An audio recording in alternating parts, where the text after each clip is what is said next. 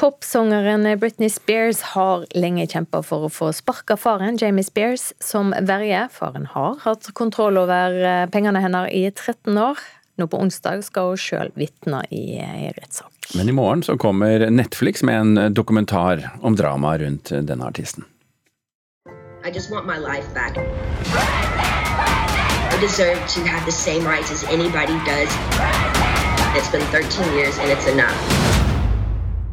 Snart kan Britney Spears igjen være et fritt menneske.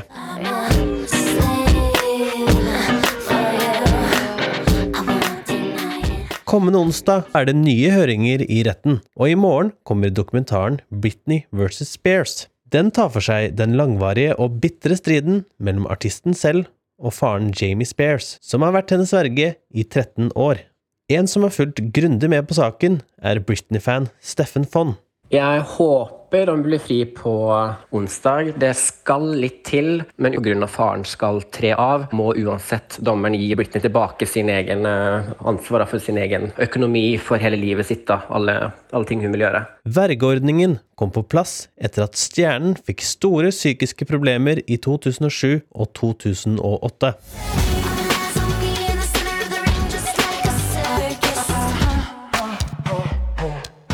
Sirkuset har ført til den internasjonale bevegelsen Free Britney, og ikke minst flere kamper i rettssalen. Hun har jo virkelig prøvd å kjempe en kamp bak eh, kulissene, men hun har jo blitt truet på ulike måter med at ikke hun får være med barna, eller at de vil gi henne mindre penger i uken og sånt, hvis hun da gikk ut i media eller snakket med noen om dette her, eller prøvde å ikke jobbe for det. da. Medieviter Magnus Hoem Iversen mener Free Britney-bevegelsen har hatt stor påvirkning på rettssakene rundt vergemålet så er det jo sånn at rettssalen opererer jo kanskje etter sin egen logikk, men det er ingen tvil om at det er en veldig sterk fordel hvis man skal nå gjennom med noe, er å ha offentlighetens søkelys så sterkt retta mot det. Og det har den bevegelsen i høyeste grad bidratt til.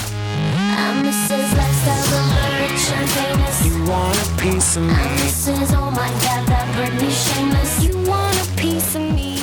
Iversen tror mediedekningen og dokumentarene som allerede er laget, også har hatt stor påvirkning. Det er jo ingen tvil om at det også holder koken oppe. da, Kanskje sprer saken til andre som ikke ville fått det med seg ellers. Som ikke henger på internett eh, på de samme forumene eller i de samme kanalene. Eh, kanskje det når et større publikum gjennom disse filmene. I midten av august gikk Jamie Spears med på å trekke seg som verge for datteren. Men det ble ikke satt noe dato for når dette skulle skje. Kommende onsdag kan være dagen. Så hun er i hvert fall fri sånn cirka rett før hun blir 40 år, og det må jo være en befrielse og en veldig god bursdagsgave til Britney.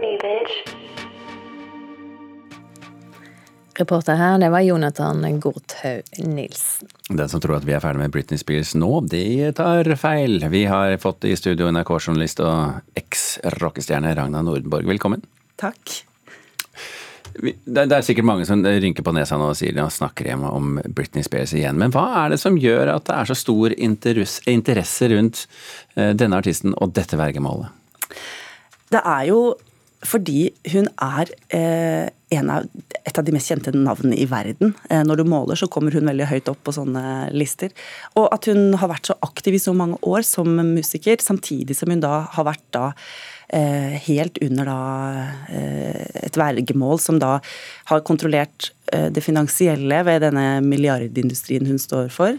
Eh, men også livet hennes. Og det har også begynt å dryppe ting fra den nye dokumentaren som kommer nå om at det også har vært eh, filming av aktiviteten hennes inne på soverommet. Hun har levd i sitt eget sånn Big Brother-liv med da faren på toppen, kan det virke som. Mm, men samtidig, én eh, ting er at vi er interessert i Britney Spears som artist. Hvorfor er vi også interessert i dette vergemålet? Ja, ja for det er jo akkurat som det har fått en høyere himmel over seg, dette å følge Britney Spears eh, fra en, en, en, trist historie om et menneske som det gikk gærent med, eh, til å, å, tenke at eh, hva er det med det amerikanske samfunnet som gjør at man kan være tilsynelatende så oppegående og allikevel ikke få lov å bestemme over seg selv. Så det, man, Mange har jo begynt å prøve å uh, finne ut av om vergemål er veldig forskjellig fra norske regler og det amerikanske. Man har begynt å tenke eh, hvorfor i all verden kommer hun ikke ut? Altså Hun virker mye friskere nå. Ja, så Man har begynt å bli rett og slett opptatt av eh, USA som rettsstat i lys av denne historien.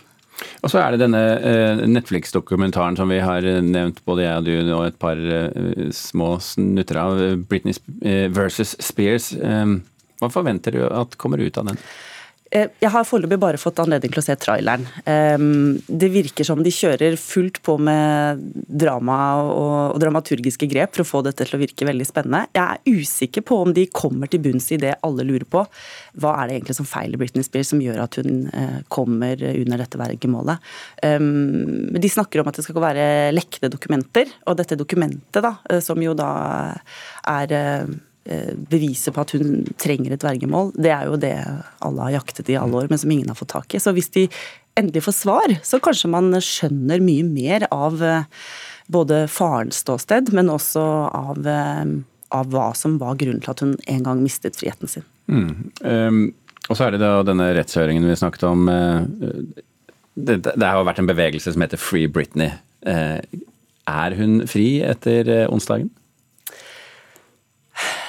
Det vet ingen. Men eh, det er jo eh, Det er jo et eh, det har jo skjedd veldig mye som du var inne på her. Dommerne har gått fra å være helt konsekvent nei til å løsne på grepet, til da å skifte ut vergen. Altså Faren hennes er ikke verge lenger. Hun har selv fått lov å ha en finger med i spillet på hvem som skal styre livet hennes. Så det kan jo virke som hun har vært på vei til noe, og da da får vi jo bare se, da. Hun kanskje ender opp som en episk historie om kampen for friheten, og så lykkes hun til slutt, og så blir alle glad. Ja, Kanskje. Men så gjenstår det å se hvordan hun egentlig kommer til å fungere. Da. Eh, når du ser klipp fra sosiale medier som florerer rundt, så, så tenker man jo av og til at hun, at hun kanskje er et menneske som sliter. Mm. Det, er, eh, det er, lov, men eh, sånn er det. Vi får vente på svarene etter hvert. Ragna Nordenborg, takk skal du ha.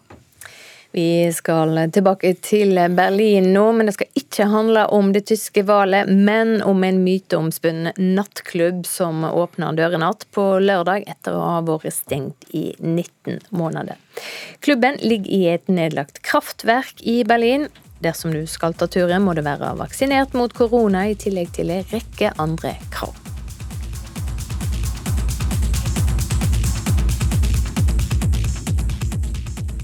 Litt tidlig på morgenen, eh, kanskje kulturreporter Torvald eh, Skåre Askim.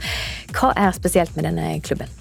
Du, Det er jo rett og slett en av verdens mest kjente utesteder. Og det som gjør den kjent, er at det er utrolig vanskelig å komme inn. Eh, dørvaktene er verdenskjent for å være vanskelig å, å, ha med å gjøre. Men det er jo et sted for de som liker teknomusikk, hvis man kan bruke et såpass bredt eh, begrep. Og, men altså, det, sånn er det med alt. Altså, får man ikke lov til å komme inn, så har man lyst til å komme inn. Og så kjenner man noen som har kommet inn, og sånn blir ting kjent. Og det er til og med masse lister på nett da, om hvordan man man skal komme inn. For det er ganske mye greier regler og sånn, skjønner du. Og for de som ikke har skjønt det, hva heter klubben? Berghain. Jeg, så stødig er jeg ikke tysk, men Berghain holder. Hva skal til da for å komme inn? Vi var inne på koronapass. Er det andre ting som eh, trenger du kjenne deg rette? Ja, Koronapass er det letteste å få til. Det er masse eh, regler. Du skal gå i sort, gjerne. Du skal eh, skille deg ut, og det er to motsigelser, akkurat det, syns jeg. Du skal våge å være rar. Også Klubben åpner jo da på lørdag igjen, men tips er kom på søndagsmorgen. Da er det ikke like stort trøkk, fordi til vanlig så er Der er det full av fart eh, fra torsdag til søndag kveld, så gå kanskje ikke når det er så busy. Snakk gjerne tysk, vær over 30 og dropp det med å ta selfier i køen. Dette er liksom, hvis man husker eller har hørt om Studio 54, du skal være glamorøs, du skal være kjent. Dette er det absolutt motsatte. På Bergen skal ikke se ut som du har lyst til å være der i det hele tatt. Det er tipsene for å klare å komme inn da når du åpner. Se ut som du kjenner deg litt, kanskje? Ja, gjerne. Det er bare litt sånn Å, herregud, for noe dølt sted er det her, altså. Da, da det er tips, da, men det er ingen som er helt sikre, skjønner du. Hvis en da skulle komme gjennom nåløyet, hva venter inne i det gamle tyske kraftverket? Det er som vi hørte litt i starten, eh, tidligere på morgenen og sent på kvelden, det er dunkende teknomusikk og eh, kjærlighet i fri utfoldelse på tvers av alle samfunnsnormer, egentlig. Det er ryktene, da. Jeg har jo ikke vært der selv, og det er jo litt av det som gjør det forlokkende. Det er spennende. Noen har vært der, og noen har hørt noen rykter, men det er ikke alt som kommer inn, og det er jo kanskje det som er mest fantastisk. De fleste kommer ikke inn, de fleste blir bedt på strengt tysk og komme seg, pelle seg vekk. Og det er jo litt morsomt, og da vil man gjerne inn.